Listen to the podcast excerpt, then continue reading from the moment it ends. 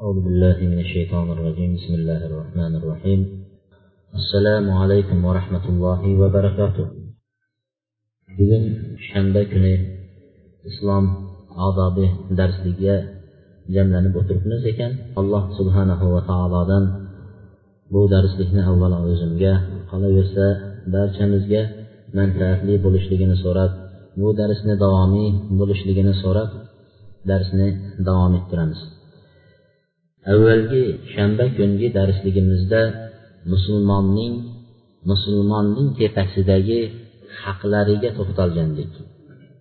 Bo'lib ham biz shu bir hadis to'g'risida ketayotgandik. Biz shu hadisda kelgan beshta musulmonning musulmonning tepasidagi haqqi yana boshqa rivoyatda musulmonning musulmonning tepasidagi haqqi oltita deb sanab o'tdik. Lekin bu bilan cheklanib qoladi degan gap emas. Men avvalgi darsda shuni eslatib qo'yish yodimdan ko'tarilibdi. Shu besh haq bilan oltita haq bilan musulmonni tepasidagi haqqi tugar ekan degan narsa bo'lib qolmasin. Biz inshaalloh baholi qudrat boshqa haqlarni ham juda qisqacha ravishda bo'lsa ham eslatib o'tishga harakat qilamiz. Ammo biz avvalgi darslikda salomlashishlik odobini zikr qildik. Bugungi darsligimizda musulmonning musulmonning tepasidagi haqqi deb o'sha hadisda rivoyat qilingan hadisdagi haqlardan biri kasalni ziyorat qilishlik. Ikkinchisi kasalni ziyorat qilishlik edi. Biz alloh nasib qilgancha shunga to'xtalamiz yana boshqa odoblarga to'xtalishga harakat qilamiz. Musulmonning tepasidagi haqqi kasal bo'lsa ziyorat qilishlik deydi. Kasal bo'lsa ziyorat qilishlik. Biz avvalo kasalni ziyorat qilishlikning fazilatlari uni ajr savobini uning bizni tepamizdagi haq huquqi ekanligini bilganimizda edi biz kasallarni ziyorat qilgan bo'lardik. Bizni dinimiz shunday dinki tog'larga ham kasallarga ham bemor xasta mayuslarga ham o'lgan joni chiqqan mayyitga ham tinchlikni yaxshilikni bir biriga bo'lgan muhabbatni taqdim qiladigan din. Sog'larga o'tgan darsimizda salomlashish odobi. Assalomu alaykum. Sizga salomatchilik bo'lsin sog'lik bo'lsin tinchlik bo'lsin xonadoningizga degan salomni o'rgatdi bu safar bo'lsa kasal bo'lgan odamlarni borib ziyorat qilish ularni holidan xabar olish aksincha bugungi kunda islomni xunuk qilib ko'rsatayotganlar. Islom desa bu birovni o'ldirish o'parish qo'parish terrorizm boshqa deyishlik bu bizni islomni emas. Bu bizni islomni emas bizni islomimiz qanaqa edi tinchlikni xotirjamlikni yaxshilikni ziyoratni sog' odamni o'zini ziyorat qilishlikning fazli qancha ekanligi. Endi kasal odamni ziyorat qilishlikni fazli qancha ekanligini hammasini bizga ko'rsatib bergan rasm rusum qilib bergan. Shuning uchun biz eng avvalo kasalni ziyorat qilish odoblarining birinchisi ziyorat qiluvchi odamning niyati sahih to'g'ri niyatda bo'lishi. Kasal ziyorat qilayotgan odamning niyati har xil bo'lar ekan. Birov qarindoshimidi? Kasalxonadan chiqib ketmasdan ziyorat qilib qo'ymasak uyat bo'ldi deydi kasalxonadan chiqib ketmasdan bir marta ko'rib yubormasak uyat bo'ldi deb ziyorat qiladi. Birov qudamidi deydi. Ertaga ziyorat qilib qo'ymasak deydi qizimiz shu qudani qo'lida kun ko'rsatmay yurmasin deydi. Shu borib bir ziyorat qilib qo'yaylik deydi. Ertaga yuziga tana qilib yurmasin deydi. Niyat har xil. Birov qo'shnimidi deydi birov boshqa edi deydi. Har xil maqsad bilan ziyoratlar qilinadi. Lekin men ziyoratlarni eng ajoyibiga ajoyibini man shu nimada ko'rdim arab davlatlarida ko'rdim. O'sha madina shaharlarida makka shaharlarida e, bizda bog'cha bolalarini va birinchi ikkinchi uchinchi to'rtinchi sinfgacha bo'lgan maktab bolalarini o'qituvchilar yig'ib bir oyda bir marta bo'lsin bir haftada bir marta bo'lsin kasalxonalarga olib keldi. Qo'llariga bir bir narsa ushlatib qo'yadi. Shirinlikmi boshqami bir bir narsa ushlatib qo'yadi o'sha bolalargada kasallarni ko'rganda sizlarni sog'lik kutib turibdi inshaalloh degan gapni o'rgatadi. Tahur labat tahur inshaalloh. Yaxshi bo'lib ketasiz allohdan umid qiling degan kalimalarni o'rgatib qo'yib birinchi sinf ikkinchi sinf bolalarini birma bir kasalxonadagi nimalarga palatalarga olib kiradi. Palatalarga kirib yigirma bola o'ttiz bola bir chetdan kasallarni ziyorat qilishlikni o'rgatadi muallimlar. Mana haqiqiy islom haqiqiy muhabbat haqiqiy ta'lim kasallarni ziyorat qilishlikni o'rgatadi. Buni orqasida juda ham ko'p foydalar yotibdi. Nima uchun namoz o'qiyotgan odamlarni misol so'rasangiz hozir yuzdan to'qson to'qqiz foizi namozni qayerda o'rgangansiz nima sabab bo'lgan desa misol aytadiki masjidga bordim yo bir narsa bo'ldi deb aytadi. Masjidda o'rganganman deydi yo bir narsa deb. Bir foizi ham больницада yotgan edim kasalxonada bir odam meni tasodif tanimaydigan odam ziyorat qilib kelib shundan ta'sirlanib men namoz o'qishga targ'ib qildi shundan o'rgandim demaydi. Hayotimiz sahifasiga bir qaraylik. Bir odamni biz dinga kasalxonada da'vat qildikmi? Bir odamga kasalxonada yotgan vaqtida bir narsa taqdim qilib biz tanimaydigan odamga taqdim qilib birodar siz yaxshi bo'lib ketasiz. Bu ollohdan namoz o'rganing deb turib bir marta aytdikmi kasalxonaga borib? Hamma o'ziga savol bersa bu umr mobaynida ko'rinib turgan narsa hammani nimasiga. Shuning uchun men yana bir qissani kasalxonaning qissasidan birini biz arab davlatida bo'lib turgan vaqtimizda bir birodarlarimizdan e, talaba student birodarlarimizdan biri allohning irodasi bilan qazoyi qadari bilan nimaga uchradi? Avariyaga tushib qoldi. Avariyaga tushdida madina shahridan besh yuz kilometr olisda bo'lgan jitta shahridagi kasalxonaga podshohning kasalxonasi maliki fahid deydi. Shu podshohning kasalxonasiga ko'chirildi. U yerda bepul davolanadigan kasalxona edi. Bizni talabalar va jamiki eshitgan musulmonlar haligini nima qildi holidan xabar oldi. Hamma borib ziyorat qiladi. Hech bo'lmaganda men o'sha odamni ko'rganimdan keyin mayli sizni tepangizda suv og'zingizga tomizib turishga bir kun men turib beray deyman ikkinchisi men ham bir kun siz uchun allohni roziligi uchun yerda og'zingizga suv tomizib turay deb ikkinchisi turadi.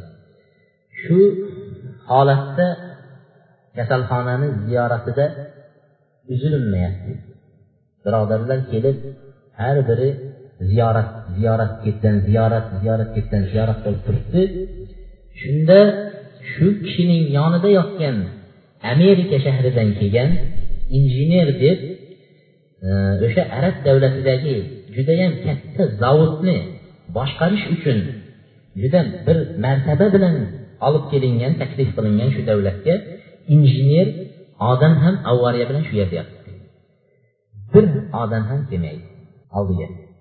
Amerikadan kelgan bedin xristian dinidagi kishi yotibdi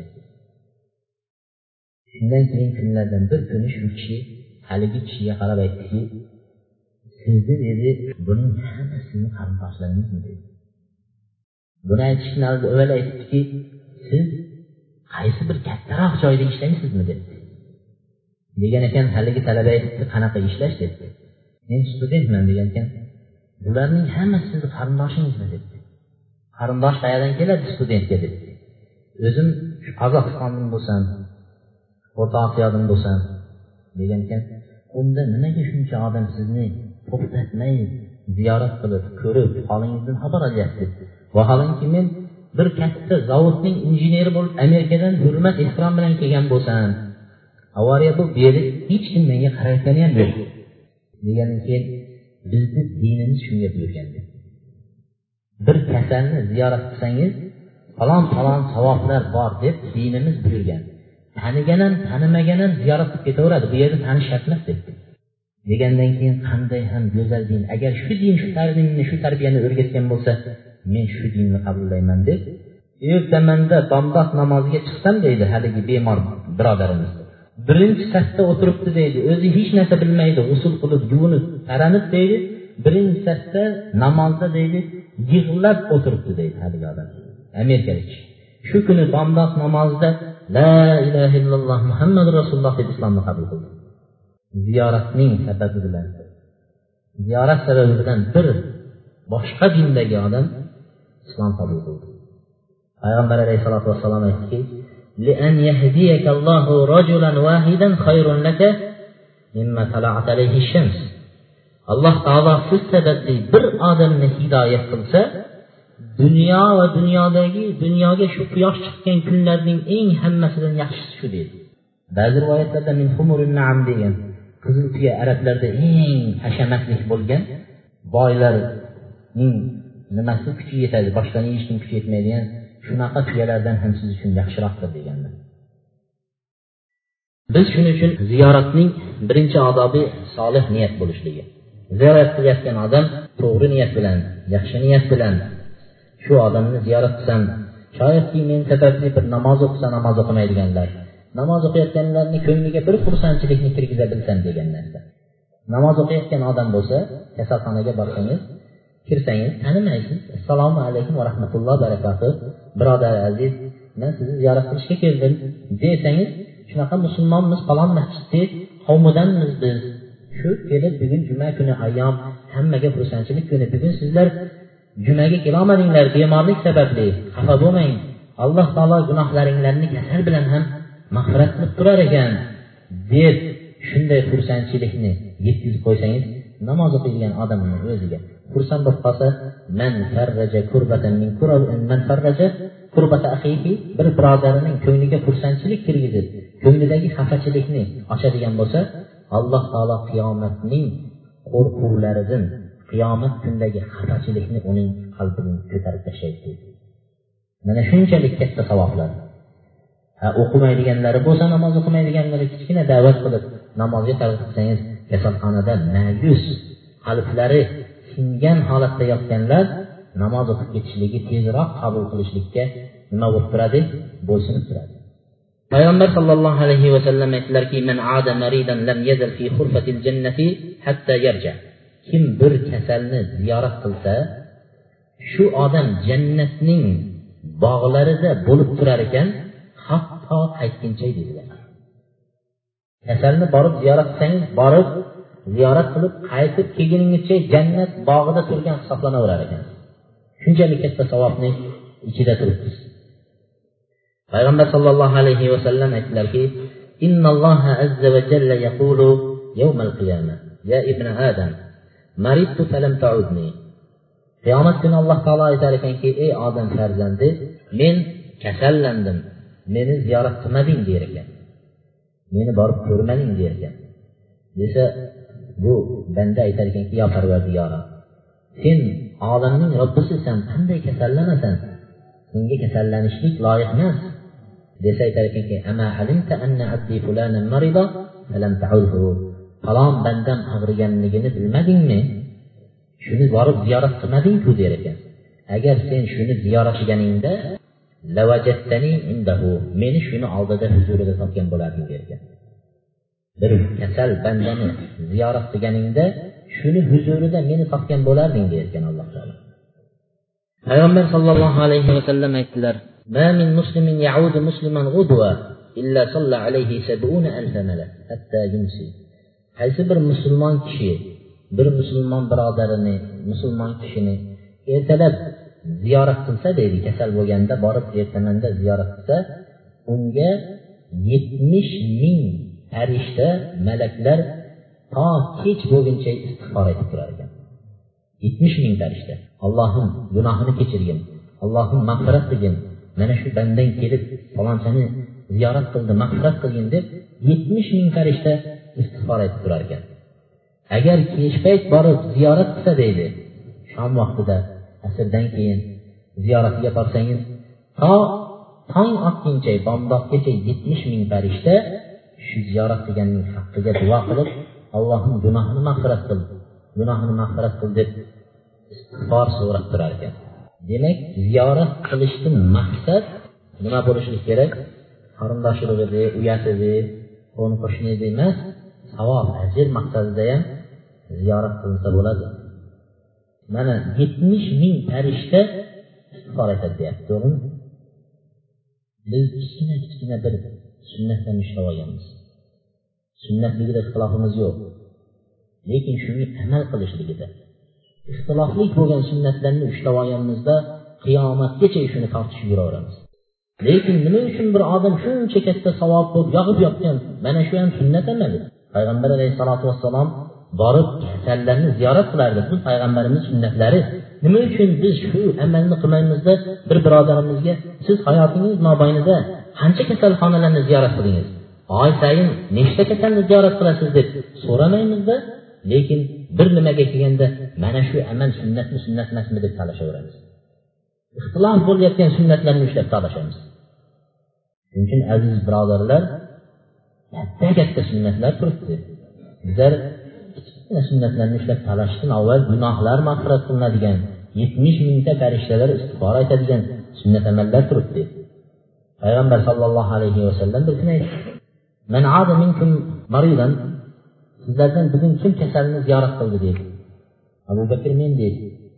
Sizlardan bugun deydi kim sadaqa berdi deydi. Abu bakr men deydi. Sizlardan bugun kim deydi?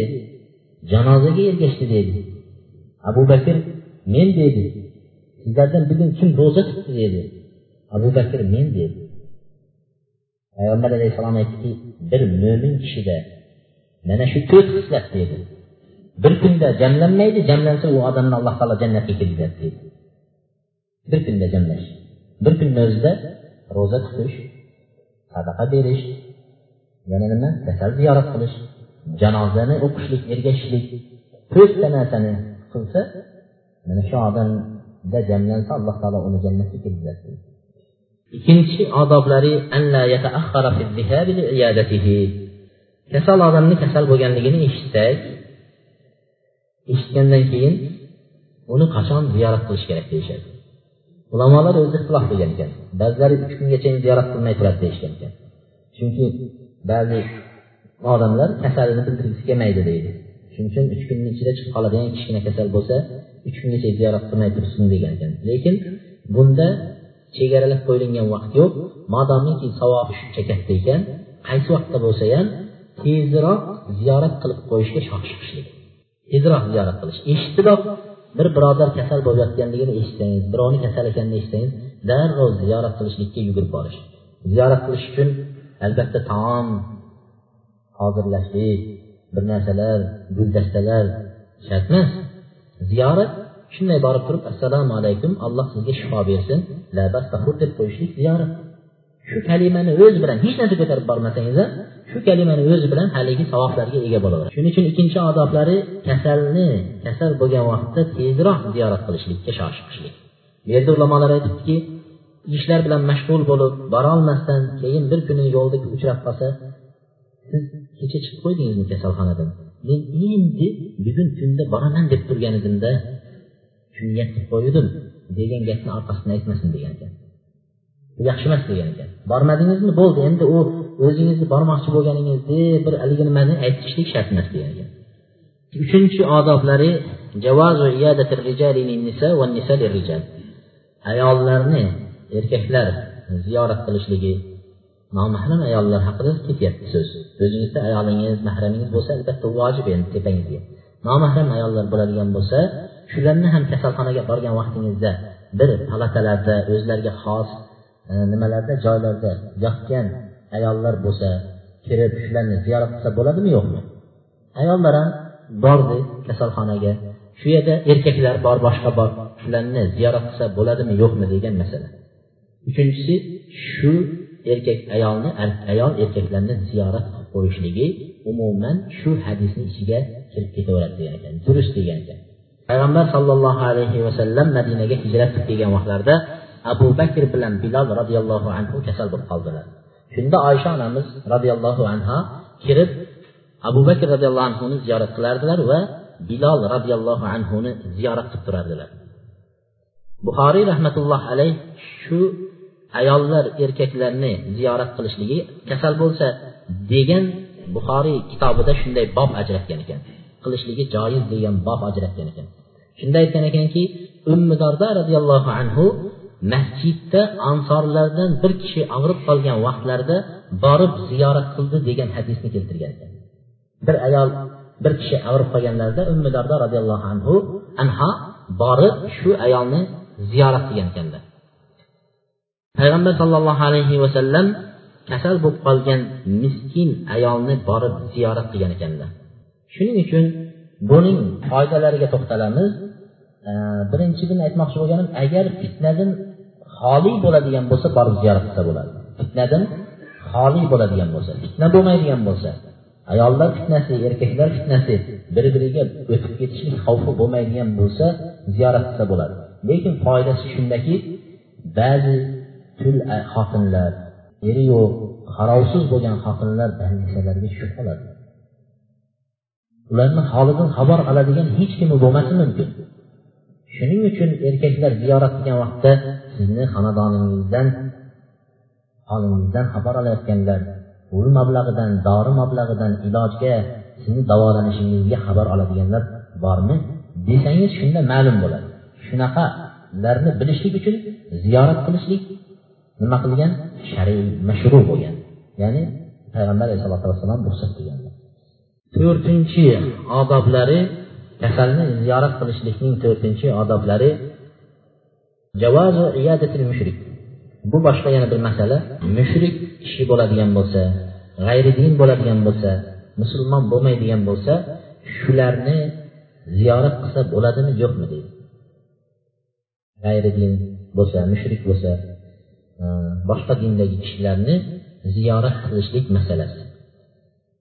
Demak bir kasalxonaga borsangiz bir chetdan ziyorat qilayotgan bo'lsangiz ba'zi bir nimalarda nima e, musulmon bo'lmagan kishilar duch kelishi mumkin sizga. Demak shularni ziyorat qilinadimi yo'qmi? Agar u yerda maslahat bo'ladigan bo'lsa shuni ziyorat qilishligidan islomidan umidvormiz ozgina ziyorat qilib biror narsa taqdim qilib shuni ozgina da'vat qilsangiz dinni qabullashligi va dinga bo'lgan muhabbati islomning go'zalligini ko'rib haligi yuqorida aytgan qissamizga o'xshab islomning go'zalligini ko'rib shunday islom ekanki bu kasalni ham sog'ni ham o'likni ham o'z haqqini ado etadigan din ekan deb shu dinga kirish umidi bo'ladigan bo'lsa ziyorat qilsa bo'ladi degan ekan. Yoki bo'lmasa qo'shnisi bo'lsa ziyorat qilsa bo'ladi. Yoki bo'lmasa qo'shnisi bo'lsa deganimiz qo'shningiz g'ayri din bo'ladigan bo'lsa kasalxonaga tushsa borib ziyorat qilsangiz bo'laveradi. Qo'shnilik haqqi. Shariat shunchalik g'ayri dinlarga ham qo'shnilik haqqini o'z o'rnida ado etishlikni bizdan talab qilyapti. Bizlarni hozir qo'shnilik haqqini bir qarang. Musulmonni musulmon bilan qo'shnilar. Yoni buyog'idagi ham musulmon qo'shni buyog'idagi ham musulmon qo'shni. Ikki qo'shnini holatini qarang. Xuddi biri yahudiy biri musulmonga o'xshaydi. Shunchalik talashib tortishib qo'shnilar shu holatga kelgan.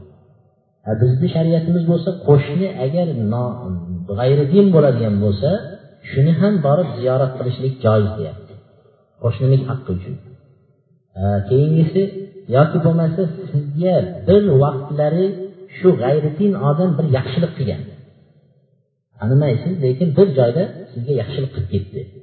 Shuni yaxshiligini ado etishlik uchun borib ziyorat qilsangiz bo'ladi deganlar shariat shunchalik buyuryapti birov yaxshilik qilsa nima qil deydi yaxshilik qil deyaptida bizda birov yaxshilik qilsa nima qilamiz? Yomonligini kutib turamiz. Yaqin kunda bir yomonlik qilish kerak yaxshilik qilgan odamni deb turadi bu bizni dindan ancha uzoqlashib ketganligimizni anaqasi alomati bo'ladi. Shuning uchun bir kishining boshidan o'tkazgan voqeasi meni yodimga keldi hozir. Yaxshilik shu vaqt alloh tarafidan zoya bo'lib ketmaydi yaxshilik qilsangiz shu vaqt alloh tarafidan u zoya bo'lib ketmaydi kim birovga bir yaxshilik qiladigan bo'lsa deydi al hasanatu bi ashri amsaliha yaxshiliklar bitta yaxshilik o'n barobar bo'lib qaytib keladi degan bir yaxshilik qilsangiz o'n barobar bo'lib qaytib keladi və ilə səbəmiyyəti dirhin. Ondan ta Allah Taala'nın özünün fəzli kərəmiyyətən 700 bərabər geçə götürmüşdü. Bir yaxşılıqni 10 bərabər, ondan 700 bərabər geçə Allah Taala onu nima qilishligi ko'tarishlikka va'da beryapti. Shuning uchun e, Abdurahmon ibn Avf sahobalarni judayam tijoratda tor, hali o'tda duron bo'lgan tijoratda Madinaga kelgan vaqtlarida hech narsa bo'lmagan. Madinaga kelgan vaqtlarda hamma narsasini makkaga tashlab kelgan hech narsasi yo'q shunda madinaga kelgan vaqtlarida bir paytdan keyin payg'ambar alayhissalom qarasa abdurahmon judayam chiroyli kiyinib olgan ustidan atirliklar kelib turibdi abdurahmonga aytdiki nima qildingiz abdurahmon dedilar uylandingizmi dedilar ha dedi darrov pul topib uylanib olibdi undan keyin aytdilarki nima berdingiz mahriga deganda navot degani shu nima navot deb qolmanglar navot degani? Xurmoni ichidan chiqadigan urug'lari xurmon. Shuni aytadi navot deb. Xurmoning shu danagicha bo'lgan oltindan oltin berdi mahriga dedilar. Abdurahmon biz aytmoqchi bo'lganimiz judayam tez kunlarda boyib ketdi. Payg'ambar alayhisalotu vassalom vafot etgan vaqtlarida abdurahmon shunaqa katta dunyoga ega bo'ldiki bir kuni oysha onamiz o'tirgandilar madinani larzaga keltirib shunday nima qildi tovushlar kelyapti. O'tirgan joylar titrayapti. Shunda oysha onamiz aytdilarki nima bo'lyapti dedilar. Deganlarida yonida o'tirganlar aytdiki abdurahmon ibn avfning karvoni shom shahridan madinaga kirib keldi dedi karvoni shunchalik moy choy un hamma narsani olib kelyaptida endi. Madinaga kirgan vaqtda madina larzaga kelib ketdi. Shunda oysha onamiz aytdilarki men payg'ambar alayhissalomdan eshitdim. Abdurahmon dedilar eng oxiri jannatga kirar ekanlar dedi. Shu mol dunyosini hisob kitobini berib bo'lguncha musulmonlar hamma jannatga bo'lar ekan dedi. Oxiri bo'lib jannatga kirar ekan hisob kitobini berib bo'lguncha degan gapni aytganlarida bu gap abdurahmon ibn avfni quloqlariga yetib keldi. Quloqlariga yetib kelganidan keyin abdurahmon ibn avf aytdilarki shunday dedilarmi? dedi. Ha deganlarida bozorga olib chiqib molni. Hamma xaridorlar bitmaydigan mol emas. Ketmay qolgan mol emas. Xaridorlar yopishyapti haliginga yopishib turgan vaqtda aytdilarki misol uchun ikki dirham uch dirham bo'lishi mumkin. Eng qimmati. Shunda abdurahmon aytdilarki qancha berasan dedi savdogarlarga aytyaptida. Biri aytdi men bir dirham beraman. Yo'q dedilar. Ikki dirham beraman. Yo'q. Uch dirham beraman. Yo'q. To'rt dirham beraman. Yo'q keyin aytdilarki biri aytdi bu mol bozorda bunga besh dirham beradigan odam topilmaydi dedi. Besh dirhamga kim oladi deganda men dedi? O'n dirhamga ham oladigan zotni topdim dedilar bittasiga o'n beradiganlar dedi. Bittasiga o'n beradigan alloh subhanava taolo deydi agar shuni hammasini ehson qilsam sadaqa qilsam har bittasiga alloh taolo o'ndan yetti yuz barobargacha ko'taraman deyapti dedi. Sizlar Allah birilərini bir an nəsib edərdi. Və həməsini Allah yoluyla sədaq qovardı. Həmə kərvanın həməsini Allahın yoluyla sədaq qovardı. Narxda doğru demək də hələ hesab edərlər. Allah verilən narxını, Allah verilən mübaafə bir neçə var artıqlığını bəndəsi verə almaydı. Əcirlər layiq olub getməydi deyətkənimiz, hələ deyəkən bir biradərimizin qıssəsində ne dedi? Deydi ketyapti dedim deydi yo'lning chekkasida bir mashinaning yengil mashina turganligini ko'rdim deydi oilamiz bilan birga edik mashinaning oldiga kelib to'xtadim hech bir mashinalar to'xtamasdan katta tezlik bilan yuradigan yo'lda o'tib ketyapti deydi men borib to'xtab holidan xabar olay deb haligini oldiga keldim kelib nima bo'ldi sizga akaxon degandim deydi benzin tugab shu yerda qoldim hech bir mashina to'xtamayapti dedi. Mashinamdan ikki litr benzin olib berdimda shu ikki litr benzin bilan eng yaqin benzin quyadigan mahallaga yetib olishingiz mumkin deb aytdim deydi men borini berdim deydi haligi kishi mashinasida farzandlari xonadoni oilasi bilan birga ekan deydi shu bilan haligi ketdi men ham o'z yo'limga ketdim deydi toshkentga keldim deydi. Toshkentdan uncha muncha narsalarni xarid qilib sotib olib endi xorazmga qarab yo'l olmoqchiman ertasiga deydi. Ertasiga xorazmga qarab yo'l olmoqchi bo'lib yo'lga toshkentdan chiqib deydi. Toshkentdan chiqib endi bir mashinani zapravka qilay deb to'xtasam deydi butun cho'ntaklarimni tekshiraman deydi. Bozorga kirganda hisobsiz narsalar olib qo'yganlik sababli cho'ntagimda yigirma litrdan ortiq pul yo'q yigirma litrga yetadigan pul qolibdi yigirma litrdan ortig'iga pul yo'q deydi nima qilishni bilmayman xorazmgachayin birov pul beradigan odamni o'zi yo'q deyapti. Xorazmgachayin toshkentdan yigirma litr benzin bilan yetib bormaydi. Shunda mayli tavakkal deb shu yigirma litrga yetadigan pulni yig'ib nimaga uzatdim deydi? Shu benzin quyadigan kishiga uzatdim dedi. Uzatgan edim ichkaridan bir kishi chiqib pulini ham olmagin bakni to'ldirib qo'y deb aytdi deydi pulni ham olmadi bakni to'ldirib qo'ydi deydi men darrov mashinadan tushdim. Haligi kishini oldiga borib nima uchun menga bakni to'ldirib qo'yyapsiz deb aytdim degan edim men bugun bir niyat qilgan edim shu bir uy beraman deb nima uchun xosatan menga niyat qildingiz deb aytdi. Menga boshqalarga emas dedim deydi shunda deydi men sizga niyat qilganim yo'q debdi meni kecha debdi bir jiyanim yo'lda angrenda kelayotganda mashinada benzin tugab qolib menga zang qildi. Telefonlashib tag'a iloji bo'lsa tezroq bir benzin yetkazishib yuborsin yigitlar mashinamda bolalarim reanimatsiyaga olib ketayotgandim deb aytdi. Dedi shunda men u yoqqa bu yoqqa telefonlab hech bir odam topmay turgandim. Birozdan keyin jiyanim zang qilib tag'a bo'ldi. Menga bir kishi ikki litr benzin quyib ketdi. Shu bilan zapravkaga yetib oldim deb aytdi men shu vaqtda nima qildi?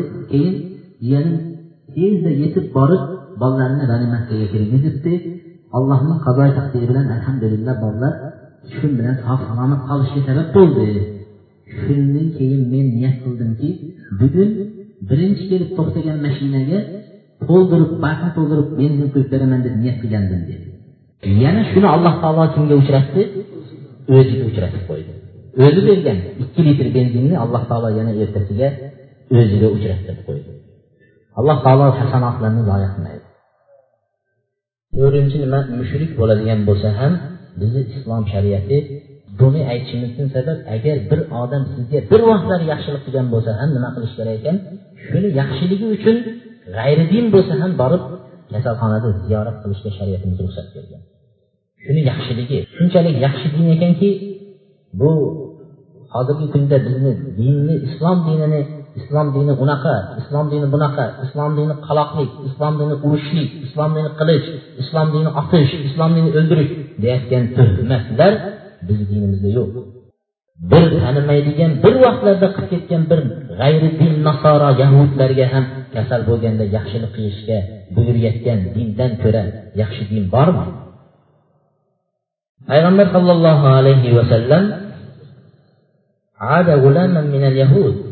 Bir yahudiy bir bolacha uylarida payg'ambar alayhissalomni uylariga kirib chiqib yurardi xizmatlarni shu bolacha og'rib qolgan vaqtlarida payg'ambar alayhissalom chiqdilar ziyorat qildilar. Haligi bolani tepasiga keldi. Qarasa jon taslim qilay deyapti.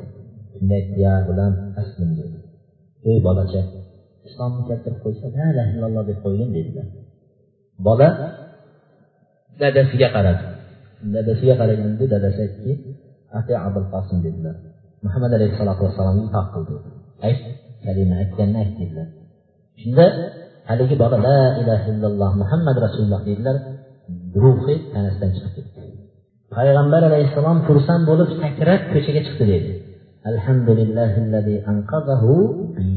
jahannam men sababli alloh taolo uni jahannamdan qutqazgan allohga hamda sano bo'lsin deb xursand bo'lib chiqdilar. Ko'rdingizmi?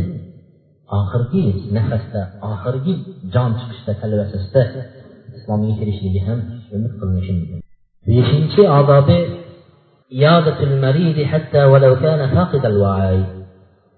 kasalning o'zini bilmayotgan bo'lsa ham borib ziyorat qilish bu bir odoblardir kasal reanimatsiyada deyapti ekan kasal o'zini bilmayapti ekan kasal tanimayapti ekan desa tanimasa hozir borsam nima qiladi endi? Behuda ketadida borib kelgan tanimasa bu. Deydida bormaydi o'ziga kelganda boramiz deyishadi. Bu xatolardan biri. Kasal o'zini bilmay yotsa ham borishlikning o'zi birinchidan borsangiz qadamingizga hasanotlar yoziladi. Yetmish ming malak farishtalar sizga istig'for aytaveradi birinchisi shu. Ikkinchisi siz shu kasalga borgan vaqtingizda shu kasalxonaning eshigida kasalning nimalarini topasiz? Qarindosh urug'lari aka uka ota onasini topasiz. Ularning qalbiga qandaydir kichkina bir nima bo'lsa ham nima kiradi? Muhabbatni solasiz. Ozgina bo'lsa ham ko'rdi keldi degan narsa odam ovunadi shu bilan. Üçüncüsü şeirdə barganda xətabımın Allah şifa versin deyir. Allah şifa versin deyənimizdə özü dua, Allah duanızı qəbul qılsa, həcətməz önce şifa verişdir. Şunun üçün bu şərtməz təsəllüsünü tanıb, hə gəldinizmi rəhmət, toylarınızda qaytaraylik deyiş şərtməz. Altıncısı təbşirul məridi bi səvabi al marad. Altıncısı kəsəlin aldıya kirdiniz, kəsəl oturubdu ya yatıbdı. Şunda kəsəlgə nimadan boshlashlik? Nima bo'ldi o'zi? E e attang attang qilmaganingizda og'rimas ekansizda ha endi deb boshlamas kerak. Adashibsizda shuni qilib deb boshlaymiz biza yo'q u kasalga qo'shilib darrov kasallik nima deydi? Uni ochish shart emas kasalni oldiga kelgandan keyin nimani aytish kerak? Kasalga xafa bo'lmang kasallik savoblari haqida gapirish kerak kasallikning savoblari qanaqa kasalga sabr qilishlik kasallik savoblari payg'ambar sollallohu alayhi vasallam bir ayolni oldilariga kelgan vaqtlarida aytdilarki kasal bo'lganda ziyorat qilib kelganlarida abshiriya ummal ala فإن مرض المسلم يذهب خطاياها خطاياه كما تذهب النار خبث الذهب والفضة ey ummul alo dedilar ey ummul alo ayolni aytyaptilar Xafa bo'lmang dedilar.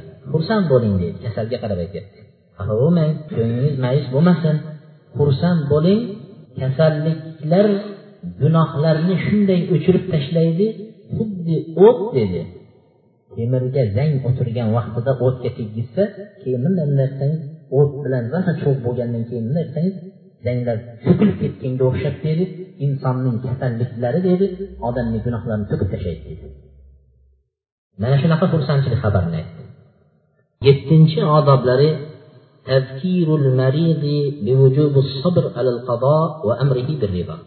kasalga sabr qilishlikka allohning qazoyi qadariga bo'ysunishlikka nima qilish kerak? Nasihat qilib qo'yish kerak. Kasalga kirgan odam. Bir kishi imom ahmad rahmatulloh alayhi kasal bo'lib yotganlarida ingrab yotdilar kasal bo'lganda ah ah ah deb ingraydi. Endi ular olimlar ekan ingrab qo'ya qolibdi bizda kasal bo'lganlar ey olloh nima qilib qo'ygandim senga? deydiganlar ham bor. Astag'firulloh qaysi gunohlarim uchun deb qo'yishadi? Biz bandamiz har kuni gunohlarimiz son sanoqsiz gunohlarimiz bor. Qaysi gunohlarim uchun deb qo'yamiz yani? Shuning uchun bu kalimalarni nima qilmas kerak? Ishlatmas kerak. Nasihat qilish kerak. Imom ahmadni huzuriga kelgan vaqtlarida nima qilyapti ekan? Ingrayapti shunda ziyoratga kelgan kishi aytdiki abu abdulloh ingrayapsizmi? dedi ha ingrayapman. Nimaga? dedi kasalga chidayolmaganimdan ingrayapman dedilar. Og'riqni qattiqligidan ingrayapman deganlarida alloh taolo qur'onda bir oyat keltirgan.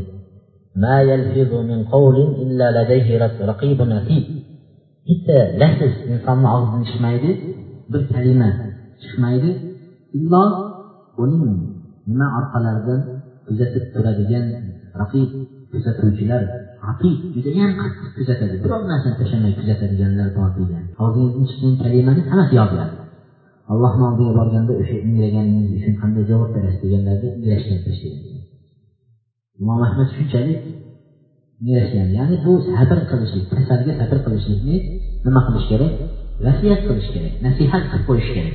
Kasalni ziyorat qilayotgandagi odoblarning sakkizinchisi kasalning haqqiga duo qilishlik. Birinchi kelgan vaqtda payg'ambar alayhissalotu vassalom kasalni ziyorat qilsalar qaysi duoni o'qiydilar? La bas tahurun inshaalloh deyapti kasalni ziyorat qilganda kirib la bas tahurun inshaalloh degan kalimani aytish kerak ya'ni yaqin kunda yaxshi bo'lib ketasiz bu nimasi yo'q zarari yo'q kasalni degan kalimalarni aytib qo'yish kerak keyin kirganlarida duo qilar ekanlar payg'ambar alayhissalom kasalni ziyorat qilganlarida kirib duo qilar ekanlar allohimma robbannas أذهب الباس واشفي أنت الشافي لا شفاء إلا شفاء شفاء لا يغادر سقما deb duo qilar ekan ey insonlarning robbisi bu kasallarni ketkazgin shifo bergin. Sen shifo berguvchi zotsan sening shifoyingdan boshqa shifo yo'qdir. Seni shifoying biror kasallikni qoldirmaydigan shifolardandir deb turib nima qilardi? Duo qilib qo'yardi. Payg'ambar alayhisalotu vassalom shu duoni ishlatardilar. Yana payg'ambar sollallohu alayhi vasallam kasalni oldida mana bu duolarni aytishlikni o'rgatgan. Kim bir kasalni ziyorat qilsa ziyorat qilgan vaqtida yetti marta shu kasalni oldida kelgan vaqtida asalullohal azim robbal arshil azim an yashfiyak desa deydi asalullohal azim robbal arshil azim an yashfiyak deb aytadigan bo'lsa yetti marta dedilar. Illo alloh taolo shu kasaldan uni nima qiladi deydi? Unga ofiyat beradi.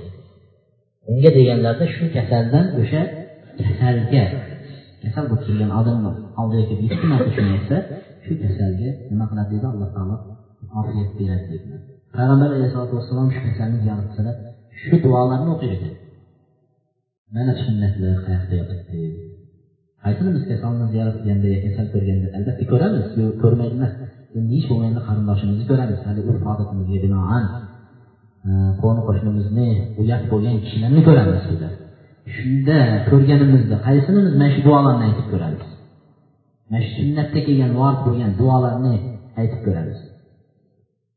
Imomlardan biri shayx muhammad husayn rahmatullohi alayh nima deydi? Men deydi qaysi sunnat amal bo'lsa deydi. Payg'ambar alayhissalomni qaysi sunnat bo'lsa hammasini qilganman degan bittasi qoldi degan u ham bo'lsa kabani payg'ambar alayhissalom tuya minib aylanganlar tuya minib aylanganlar tuyada turib hajar al asvadga hastalarni tegizib keyin hastalarni o'tib qo'yganlar ana shu bitta sunnat qoldi agar ruxsat berishganda kabaga tuyada kirib aylangan bo'lardim kabani degan bitta shu sunnat qoldi deganlar ruxsat bermaganligi uchun shu sunnatni qilmayapti ekan bizda ham sunnatlar tiqilib yotibdi ruxsat berilmagan sunnatga yopishib olmaydi ruxsat berilmagan sunnatlarni ushlamaylikda ruxsat berilgan sunnatlar judayam ko'p. Payg'ambar alayhisalotu vassalomni bir kishi al sunna layla degan kitob yozgan. Kichkina kitobcha mingta sunnat bir kecha kunduzda degan. Mingta sunnat bir kecha kunduzda degan. Hozir sunnat deb ko'krak urayotgan birodarlarimizga siz o'nta sunnatni aytingda dalili bilan ayting desa aytolmaydi. O'nta sunnatni sanang dalili bilan desa aytolmaydi. Kitobda mingta sunnat deb qo'yibdi shuning uchun mana bu kasalni ziyorat qilayotganda ham biz aytmoqchi bo'lganimiz borib mana shu duolarni ham bir aytib ishlatib o'rganib xalqni ichida shuni nima qilish kerak? O'rgatish kerak. Xosatan farzandlarimizga o'rgatib qo'yaylik. Borgan vaqtlarida kasal ziyorat qilganda birga olib borib bizda ajoyib bir nima bor. Biz tarbiyani kattaga bo'lganda boshlaymiz deymiz. Bolalarni hayit namozi bo'ladigan bo'lsa uyda o'tir men hayitga ketyapman. Undan keyin o'liklarni borib fotiha o'qiyman bolalar hayit bayramini o'liklarga fotiha o'qiydigan kun ekan deb uyda o'tirishadi. Dadam qayerga ketdi desa namozga ketdi keyin o'liklarga ketdi deydi kasalga ketyapsak uyda o'tir nima qilasan men больницаga ketyapman deymiz haligi bola kasalxona desa shunaqa qo'rqadi endi. Bolalarni yetaklab boraylik kasalxonaga. Mana bu duoni o'rgangin kasalxonaga borib hozir birovlarni ko'ramiz shunda sen shu duoni aytasan. Ana aytganingdan keyin men senga bir o'yinchoq olib beraman bir narsa olib beraman deb qiziqtiring. Ana tarbiya yoshligidan boshlanadi. To'qqizinchisi ba'zi odamlar kasal yo'qadi deb bormasligi bormasdan shu to'g'rida kichkina ma'lumot. To'qqizinchisi kasalxonaga borganda e, saqlanishligi uchun misol og'izlarga taqadiganlar qilib qo'yilgan. Ba'zi kishilar bor bizda ikkita narsa bor. Birovlar aytadi mutlaq kasalxonaga borishdan qo'rqadi. Kasal yo'qadi deb bu. Ham noto'g'ri narsa. Birovlar bor kasal yo'qmaydi deb turib e, nima qiladi? E, to'g'ridan to'g'ri har nimaga boraveradi? Bu ham noto'g'ri bo'ladi. Bizniki o'rtasini ushlanyapti kasalni yo'qmaslik uchun tadbir choralarni qo'llashlik bizni dinimiz buyurgan narsa. Kasal yuqmasligi uchun tadbir choralarni qo'llashlik. Shuning uchun yuqumli kasali bo'lgan odamlarni oldiga borilmaydi. Va kasalxonada shunday odamlar o'zi alohida joylarga qo'yilishligi ham judayam o'rinli ishlangan. Mana shu yerda payg'ambar sallallohu alayhi vasallam aytdilarki la mumridun kasal tuya dedilar.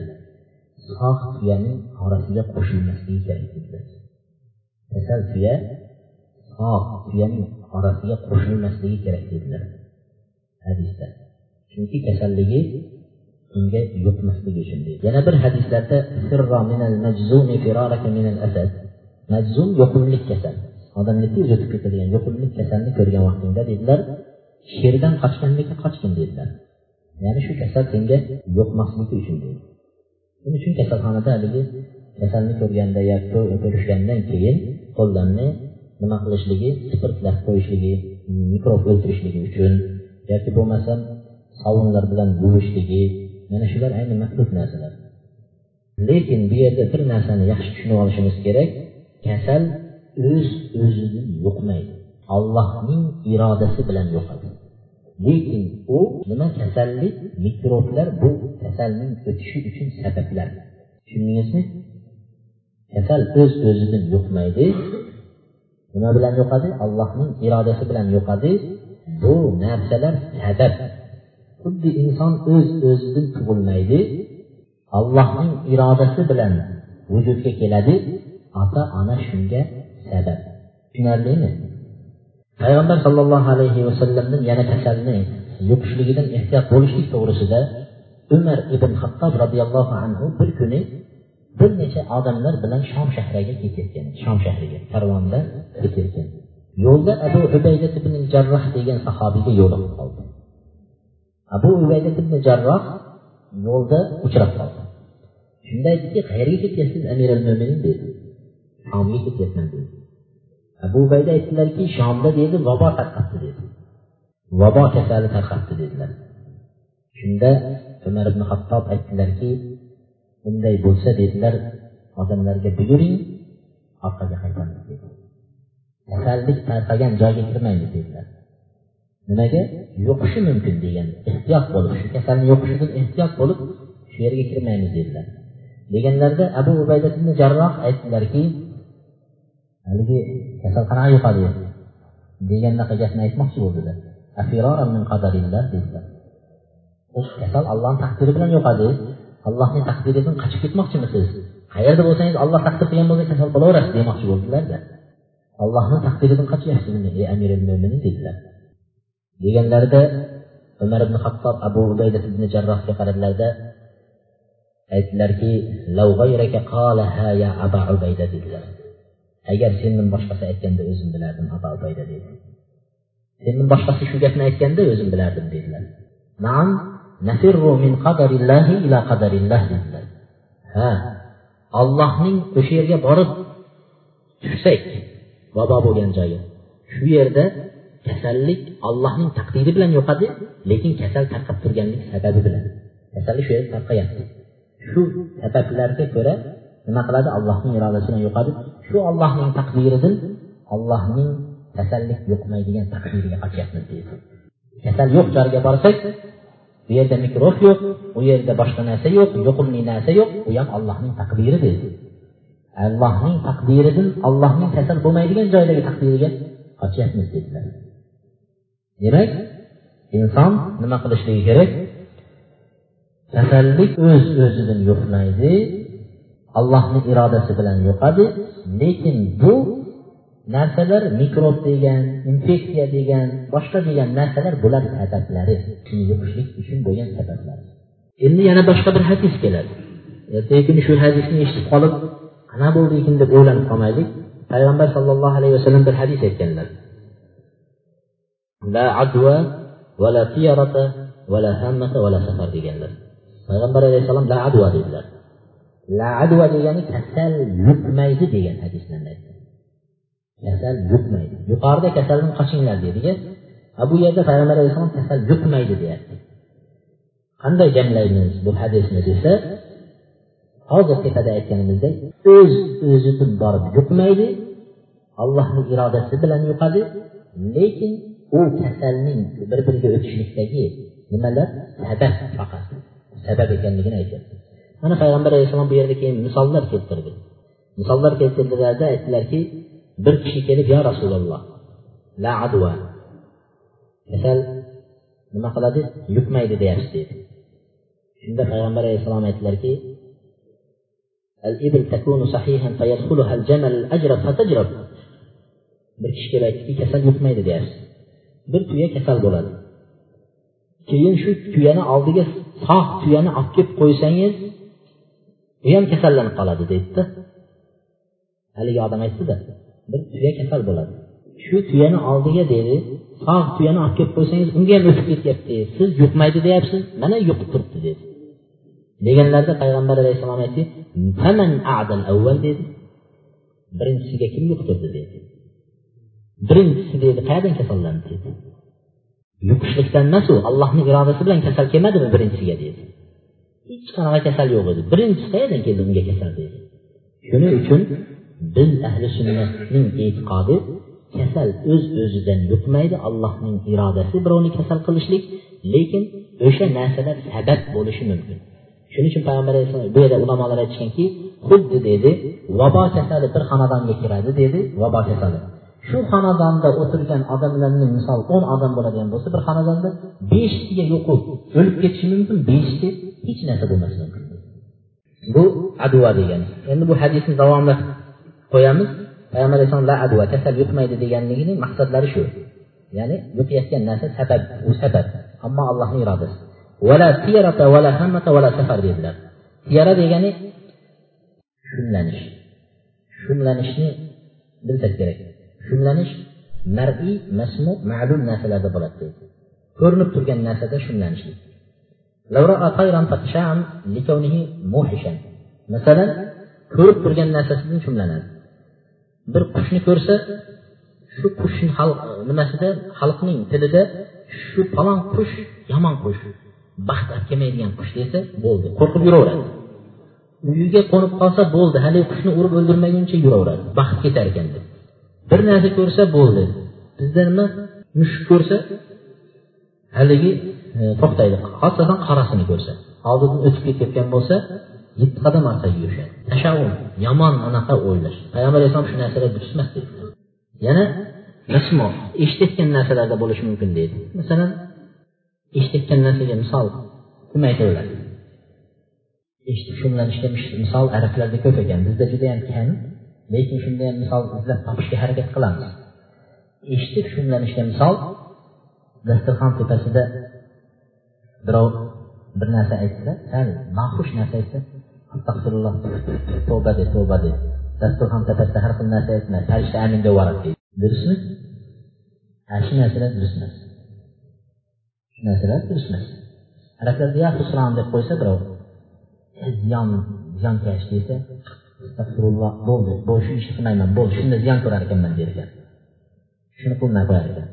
Mana shu narsalar durust emas tashaum shumlanishga kiradi bu ham tashaum ba'zi kunlarda shumlanishi biz aytdikki ko'rayotgan narsada shumlanadi eshitayotgan narsasida shumlanadi ma'lum narsalarda shumlanadi kunlardan shumlanishlik bizda kitoblar chiqqan. Burungi zamonlarda broshura kitoblar o'qiganmiz. Kunlari ham yodimda emas.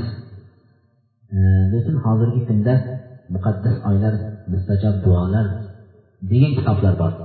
Har kunni xosiyatlarini har kunni xosiyatlarini zikr qilgan falon kun bunday qilsa bo'ladi falon kun qilsa bo'lmaydi falon kun bunday qilsa bo'ladi falon kun bo'lmaydi falon kun safarga chiqsa bo'ladi falon kuni uylansa bo'ladi. Bu bechora nima qilsin uylanayotgan odam? To'rtta kun belgilab qo'ysa unga. Falon kun tirnoq olsa bo'ladi falon kun tirnoq olsa bo'lmaydi. Bu narsalarning hammasi shariatimizda yo'q narsa. Tashavvulga kiradi bu ham. Payg'ambar alayhissalom to'rtinchi aytganlari nima edi hamma dedilar hamma degan narsa yo'q bizni dinimizda deydi. Hamma degan nima ekan? Hamma degani bir qush ma'ruf qush degan ekan. Buni ismi buma degan ekan. Buma degani bizlarda uki deymizmi? Uki qushi. Uyga daraxtlarga kelib sayraydigan bo'lsa bo'ldi hamma shu o'lim olib kelar ekan deydi. Kimning daraxtiga kimning nima chegarasida shu qush sayrasa shu xonadonda bir o'lim bo'lar ekan deydi qo'rqaveradi. Payg'ambar alayhissalom xosatan shuni aytdilar la hamma dedi. U narsani e'tiqod qilish durust emas joiz emas dedilar. Hammani nima deydi o'sha ikki qushi deb aytdilar. La safar to'rtinchi aytganlari payg'ambar alayhissalom safar yo'q dedi. Safar degan safar oyi arablarni safar deydi. Arablarda muharram rajab safar arablarni otlari nimalari bilan arab oyi bilan safar oyi yo'q deydi. Qanday safar oyi yo'q bo'ladi? Bundan maqsad birovlar e'tiqod qilar ekan safar oyida to'y qilishga bo'lmaydi safar oyida to'y qilishga azizlar ramazon oyida to'y qilishga bo'lmasi mumkin. Shariatda emas. Lekin ramazonda mashg'ul bo'lmay ibodat bilan ayol bilan mashg'ul bo'lmasdan ibodat bilan mashg'ul bo'lish uchun ramazonda qilmasa mumkin. Lekin oilaning hammasi biz uchun halol qilingan. Oilani hammasi halol qilingan. Shuning uchun safar oila to'g'risida bo'lmas ekan baxtsiz bo'lib qolar ekan deydi. Bu narsalar yo'q. Bir xonadondan deydi birdaniga deydi o'g'il bilan qizni uylatishga bo'lmas ekan deydi. Qizni uzatib o'g'ilga kelin olib kelish bo'lmas ekan deydi. mana shularning hammasi noto'g'ri aqida durust emas gaplar payg'ambar alayhissalom la safar deganlar o'sha narsa yo'q dedilar o'ninchi kasalning o'ninchi odobi النصح للمريض أن يجتنب استعمال الأشياء المحرمة للعلاج kasalni borib ko'ryapsiz ziyorat qilyapsiz shunda kasalga kichkina bir nasihat qilib qo'yishingiz mumkin harom narsalarni shifo uchun iste'mol qilmasligini harom narsani shifo uchun iste'mol qilmasligini kasalxonada yotib kasalxonada yotibdi o'z bannisida lekin u yoqdan bu yoqdan o't cho'p yo bo'lmasa nimalar olib keladi unda eshitib qolgan bunda eshitib qolgan odamlarni hammasidan kichkina kichkina narsa olaveradi va o'shani ishlataveradi bizarni odamlar shuning uchun kasalxonaga borgan vaqtingizda o'sha kasallarga kichkina maslahatingiz nasihatingiz shuni ishlatish mumkin emasligini. Payg'ambar sollallohu alayhi vasallam aytdilarki alloh taolo biror kasalni tushirmadi tushirsa ham nima dedilar? Davosi bilan tushirdi davosini izlanglar dedi. Davosini izlanglar deydi alloh taolo qaysi kasalni tushirgan bo'lsa har bir kasalning o'zini davosi bor. Lekin biz shuni topolmayapmizda shuni davosini shuni izlaninglar deydi. Birinchidan bu yerda payg'ambar alayhissalom kasalni davolanishlikka ruxsat ekanligini aytyapti. Ikkinchidan shu kasalliklarni halol davo bilan davolanishligi muharram bo'lgan shariatda ruxsat berilmagan davolar bilan davolanishlik mumkin emas. Alloh taolo e, payg'ambar alayhisalotu vassalom aytdilarki alloh taolo shifoni sizlarga harom qilgan narsada shifo qilmadi dedilar. Alloh taolo harom qilgan narsalarda shifo qilmadi dedilar. Go'shti bir marta yesang deyarkan hech qachon senga demak kasal yo'liqmaysan deydi. Qanday? Bu payg'ambar alayhissalom najosat bo'ladi namoz o'qisang bo'lmaydi deydi. Idishni yalab qo'ysa deydi yetti marta yuvib bittasini deydi tuproq bilan yemasang tozalanmaydi mikrob o'lmaydi deydi. Itni unga boqishlikdan qaytarsa u it mikrobi og'zini ochib tilini halsillatib turgan vaqtda o'n besh yigirma metrgacha mikrob uchib turar ekan itni mikrob og'zidan chiqayotgan mikrob infeksiya shu nimalarsi shunday uchib turar ekan shuning uchun xonadonda boqayotgan odamlardan yo'qotib tashlanglar itni deydi. Kim xonadonida beanaqa hojat behojat bo'lib turib it boqadigan bo'lsa har kuni uhud tog'idagi savobi undan mahrum bo'lib turadi. Deydi shuning uchun itlarni illo it soyib iti bo'lishligi ov iti yoki bo'lmasa xonadonning tashqarisida molxonaning bir chekkasida molni qorovullik qilishlik uchun bo'lgan itlargagina ruxsat berdi. Siz bilan birga tovoqoshni oldida chalkashib yuradigan aralashib yuradigan itlarga hech ruxsat yo'q bo'lsa uni endi go'shtini yeb qo'yish qanaqa bo'ladi. Ekan shifo shu endi. Ikkinchisi aroq spirtni ichishlik. Spirtdan dori tayyorlashlik. Haqiqatdan hozirgi ishlayotgan nimalarni tabletka bo'lsin dorilarni qaraydigan bo'lsangiz qandaydir bir protsent nima qilingan spirt qo'shilgan deyiladi. Bu spirt shu kasallikka davo uchun emas shu nimani dorini aynab ketmasligi uchun qo'shilgan. Davo deb qo'shilmagan. Aynab ketmasligi uchun olti oy muddat to'rt oy muddat bir yil muddatgacha deb shuning uchun boyagi spirtni qo'shishni nimasi shu? Kichkina bir miqdorda spirt qo'shiladi. Bu davo degan maqsadda emas. Shuning uchun spirt davo ekan deb ichish ham durust emas undan dori ishlashlik ham durust emas ammo badanlarga surib temperatura isitmalarni tushirish uchun qilinsa durust bo'laveradi. Yoki bo'lmasa nimaga to'l qilayotganda igna urayotgan vaqtlarda spirt tegizib turib qilsa bu badanni ham kiyimni ham najosat qilib qo'ymaydi spirt ammo uni ichishligi durust emas. Undan keyin undan ham battarrog'i. Judayam necha yillardan beri kechilayotgan kasalliklarning ba'zilari o'zining davli yoki bolasining davli bilan shuni peshobini ichishi bilan tuzalarmish qanaqa degani bu? Bundan ham harom narsa bormi o'zidan chiqqan ahlatni ichish endi. Shu o'zidan chiqqan ahlatni ichish bilan davolanishlik mumkinmi payg'ambar alayhisalotu vassalom aytdilarki men marram nabiy sollallohu alayhi vasallam payg'ambar alayhissalom bir bog'dan o'tib ketayotganda ikkita qabr shu yerda ikkita qabr ko'milib turgan qabrni ko'rdilar. Darrov to'xtadi. To'xtadida aytdiki bitta cho'p topkinglar dedi. Ho'l cho'pni sindirib olib kelishdi. Shu bilan buni ham buni ham tepasiga bir birini tiqib qo'ydi cho'pni. Bilan sahobalar hayron bo'ldi. Nima bo'ldi deganda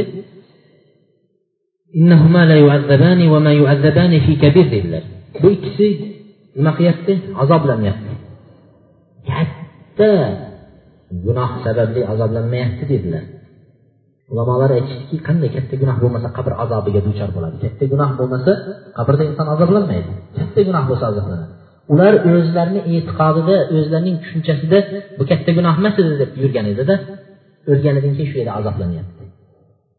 Demak katta gunoh ekan o'zlari qabrdagi odamlar buni gunoh emas arzimaydigan narsa degandida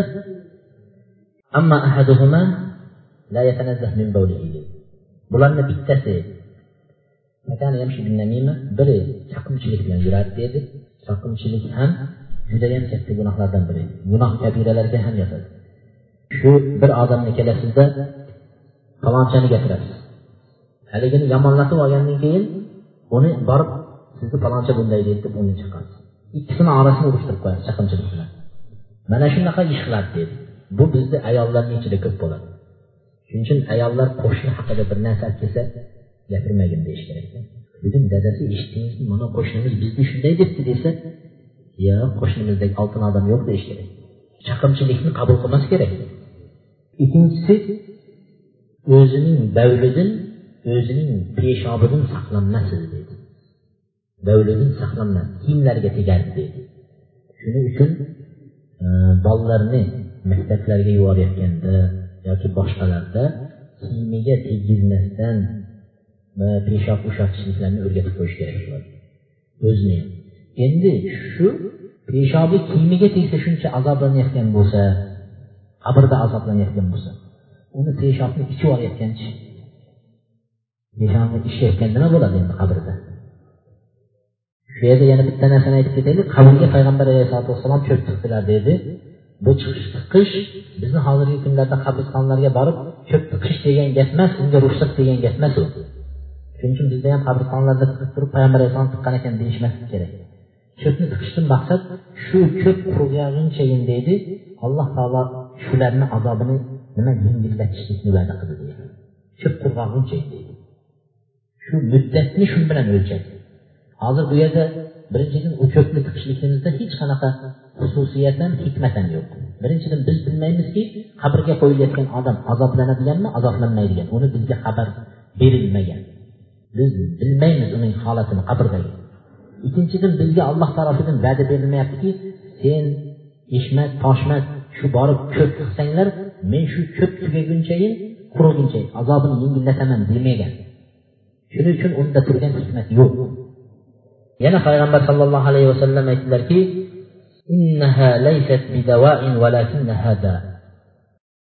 muskir haqida mast qiluvchi ichimliklarni dil davo yasashlik e, haqida so'ralgan vaqtda payg'ambar alayhissalotu vassalomdan bu davo bo'lmaydi hargiz balki u kasalliklarning sababidir dedilar. U kasallik olib keladi davo bo'lmaydi dedilar. Payg'ambar alayhissalom e, mast qiluvchi ichimliklar haqida so'ralganda shunday deb javob berdilar. Demak halol narsalarda shariatimiz ruxsat bergan narsalar bilan nima qilishga nasihat qilish kerak? Davolanishlikka nasihat qilib qo'yish kerak.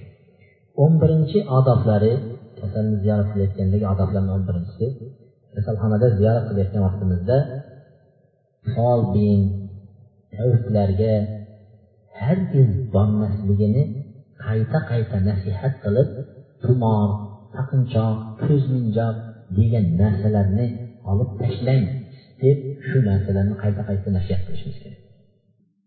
Har kasalni ko'rganda har bir odam shu narsalarni nasihat qilsa maslahat bersa ummatimiz sha'nimamiz nima qiladi? O'ng'aladi. Jamiyatimiz o'ng'aladi. Payg'ambar alayhissalotu vassalom aytdikim an shay'in thumma e, shay'in lam tuqbal lahu kim deydi folbinni oldiga kelsa deydi folbinni oldiga keladigan bo'lsa dedilar va bir narsa haqida bir so'rab ketish uchungina kelgan bo'lsa deydi zo'r chiqibdi jambulda aroq ichayotganlarni qo'ydirib yuborar ekan. Ichmagan qilib yuborar ekan deydi. Keyin katta katta domlalar so'rayapti nima deydi? Deb aroq ichmaydiganni qo'ydirib yuborar ekan. Ham taajjublandim. Mashaalloh dedim. Alloh shunday nutq bergan bo'lsa da'vat qilib haligini yig'latib yuborib o'zining hayotiga pushaymon qilib tashlab ketsa kerak desam yo'q borganda so'rar ekan necha kungacha tashlashdan xohlaysiz der ekan. Birodarlar shariatimiz aroqni nechi kungacha ichib nechi kundan keyin boshlab ket demagan aroq harom sizlar bo'ldi tiyildinglarmi bo'ldi tashlanglar harom deydi. Sizlar mast holatinglarda namozga mutlaq yaqinlashmanglar deydi. Musulmon o'lguncha namoz o'qish kerak. Demak buning hammasi o'yinchoq bo'lmaydigan nechi kungacha aroq ichishni xohlaysan nechi kundan keyin ichishni xohlaysan nechi kungacha tashlaysan. Hammasi firibgarlik pul topish yo'li shayton jinlarning yo'llari. Allohdan taqvo qilsin qo'rqsin shu aroqni ustida o'lsa nima bo'larman men? Holatim nima bo'ladi? deb qo'rqsin. Yig'lasin bo'ldi shu o'zi yetadi allohdan qo'rqqan odam alloh harom qilgan narsani qilmaydi. Kim shuni bir bilib kelaychi endi borib bir so'rab kelaychi deb oldiga borib so'rab qaytib kelsa qirq kungacha namoz qabul bo'lmasdi. Faqat borib so'rab keldim xolos degan qirq kungacha namoz qabul bo'lmaydi.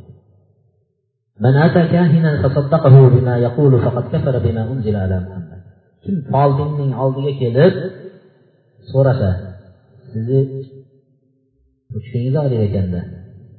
Og'ir rasmga tinantirganda deydi.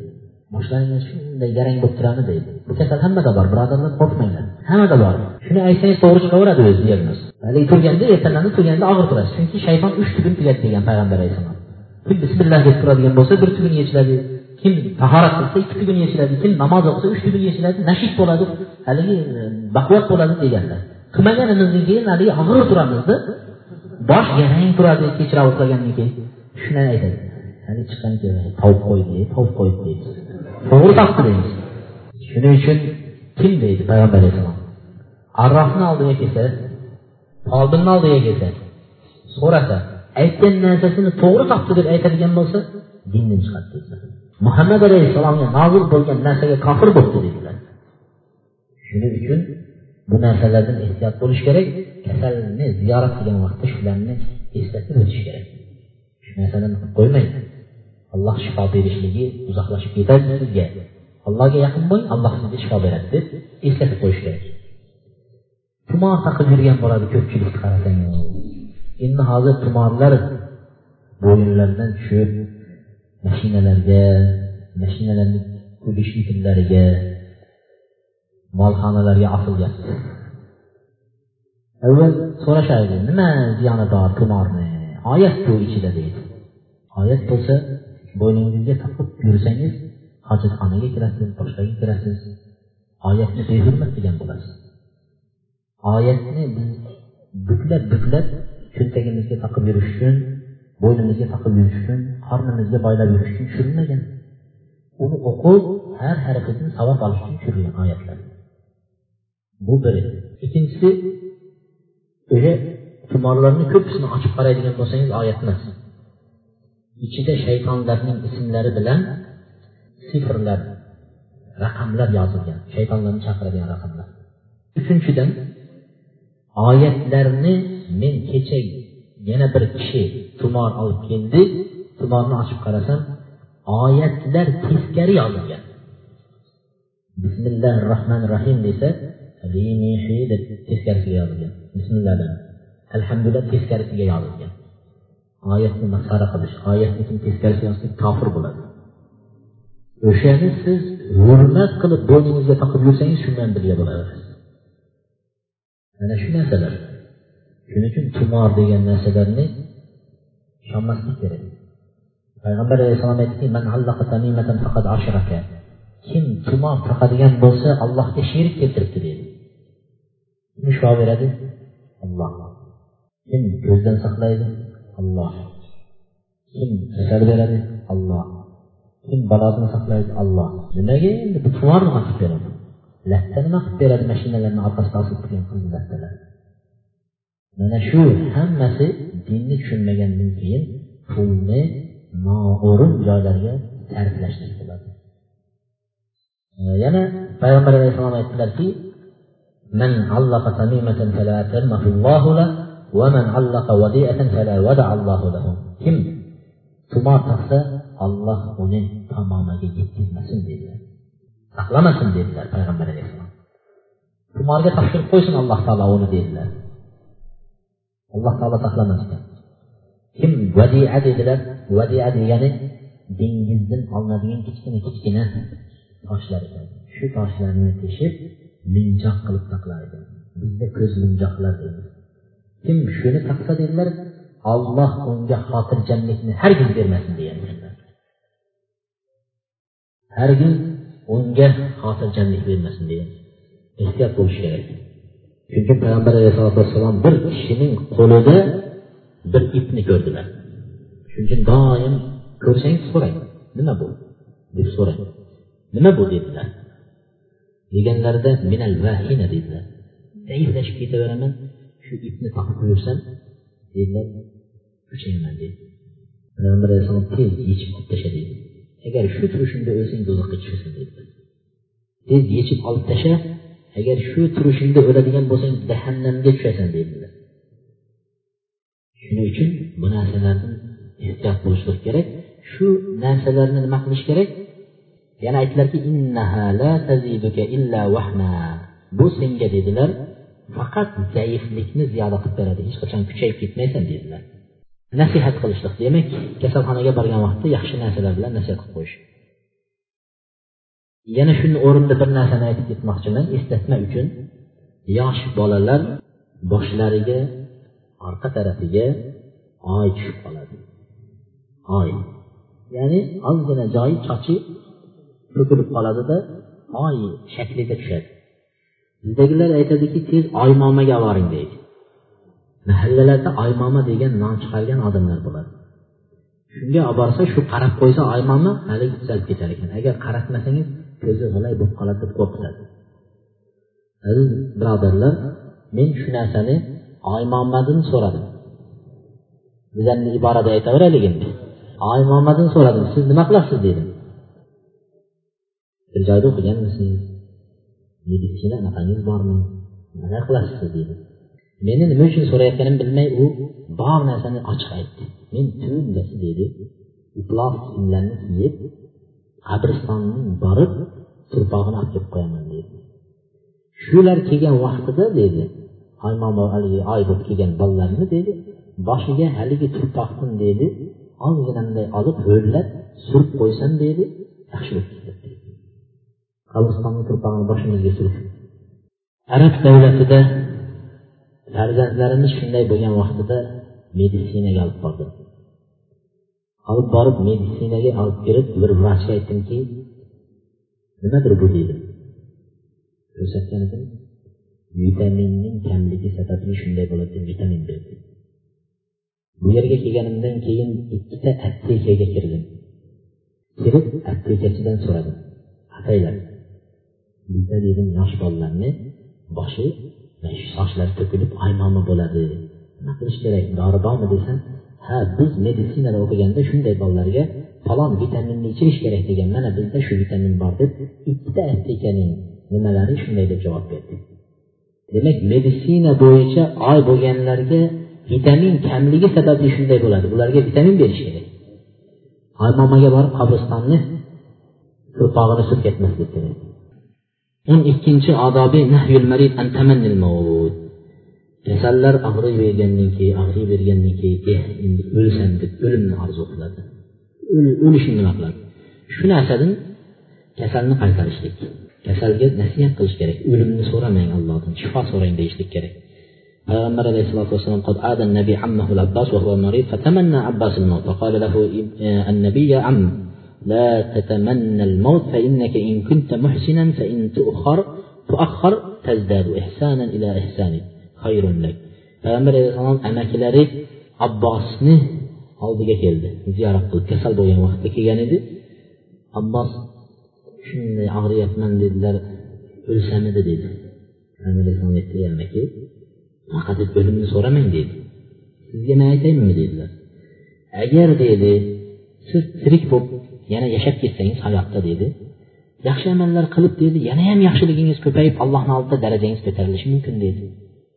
Shuning uchun inson hayotda yaxshi yashash yashashdan maqsad yaxshilik tarafiga ko'tarilsam ehson qilsam yaxshi bo'lsam degan narsani nima qilishlik? Agar musian agar yaxshilik qilsangiz dunyoda nima qilar ekansiz? Yaxshiligingiz ko'payar ekan. Agar yomonlik qilib yuradigan odam bo'lsachi u odam hayotda qolishidan uni nima foydasi bor? Hayotda qolishdan foydasi bir kun yanayam bir bir yil ikki yilga kechikadigan bo'lsa boshi bir narsaga urilib bir kun tavba qilishi ham mumkin degan. Yaxshi odam bo'lsa ham dunyoda qolishlikni orzu qilish kerak yomon odam bo'lsa ham dunyoda qolishni orzu qilishligi kerak ekan o'limni orzu qilmaslik kerak. Yaxshi odam yaxshiligi ko'payish uchun yomon odam yomonlikdan tavba qilib keyin o'lishni so'rasa bo'laveradi. Kasalxonaga kirgan vaqtdagi o'n uchinchisi kasalni oldiga kirgandan keyin nima deyish kerak ekan? Namozlarni qanday o'qiyapsiz deb so'rash kerak ekan. Namoz haqida ham ozgina suhbat qilish kerakda. To'g'ri kirib kasalni shunday kirib shunday chiqib ketish emas. Kasal namoz o'qimaydigan kasallar bo'lsa namozga targ'ib qilib namozni fazilatlarini aytib namoz o'qiydigan kasallar bo'lsa kasallik vaqtida namozni tashlab qo'yadi ko'pchilik ha desa o'qiyolmayapman больницadaman hozir mustashfodaman ko'p kasallar kasallik vaqtida tashlaydi o'zi imtihonda turibdi imtihonda yana tashlashligi bu og'ir musibat bo'ladi shuning uchun unga qanday o'qiyapsiz deb unga rag'batlantirib kasallik vaqtida o'qishliklarini nima aytib uni uslublarini suv ishlatolmasa tayammum bilan o'qishliklarini o'tirib turib o'qiy o'tirib o'qishliklarini o'rgatib qo'yishligi yaxshi bo'ladi. Biz bugungi darsda baholi qudrat kasalliklarni kasallarni ziyorat qilishlik odoblarini o'n uchiga to'xtadik. Endi hozir agar keyingi darsni ham o'tib olish maqsadimiz bor edi tibaul janaiz musulmonning musulmonning haqlari uchinchisi o'lgandan keyin janozasiga ergashishlik janozalariga qatnashishlik janoza odoblari janozani qanday o'qishliklar shularga bir qator to'xtamoqchi edik unga vaqtimiz yetmasa ham kerak. Unga cho'zilib ketadi. Shuning uchun bugun shu bilan kifoyalanamiz. Keyingi darsda inshaalloh janoza o'qishlik faqat domlalar o'zi o'qiydi ko'pchilikka o'rgatmaydi bilmaymiz hamma janoza o'qisa bizga kelmay qo'yadi deydimi shuning uchun hammaga o'rgatishga niyatimiz bor. Xudo xohlasa hamma janozaga qatnashgan vaqtida o'zi janozani o'qishlikni bilishi kerak. shularni ham bir chetdan inshaalloh kelasi darsda to'xtalib o'tamiz سبحانك اللهم وبحمدك استغفر الله واتوب اليك alloh taolo darslarimizni davomiy qilsin o'zini roziligi uchun bo'lgan darslardan qilsin alloh taolo bu narsani manfaatli qilsin alloh taolo fitnalardan hammamizni saqlagan bo'lsin برحمتك يا رب الله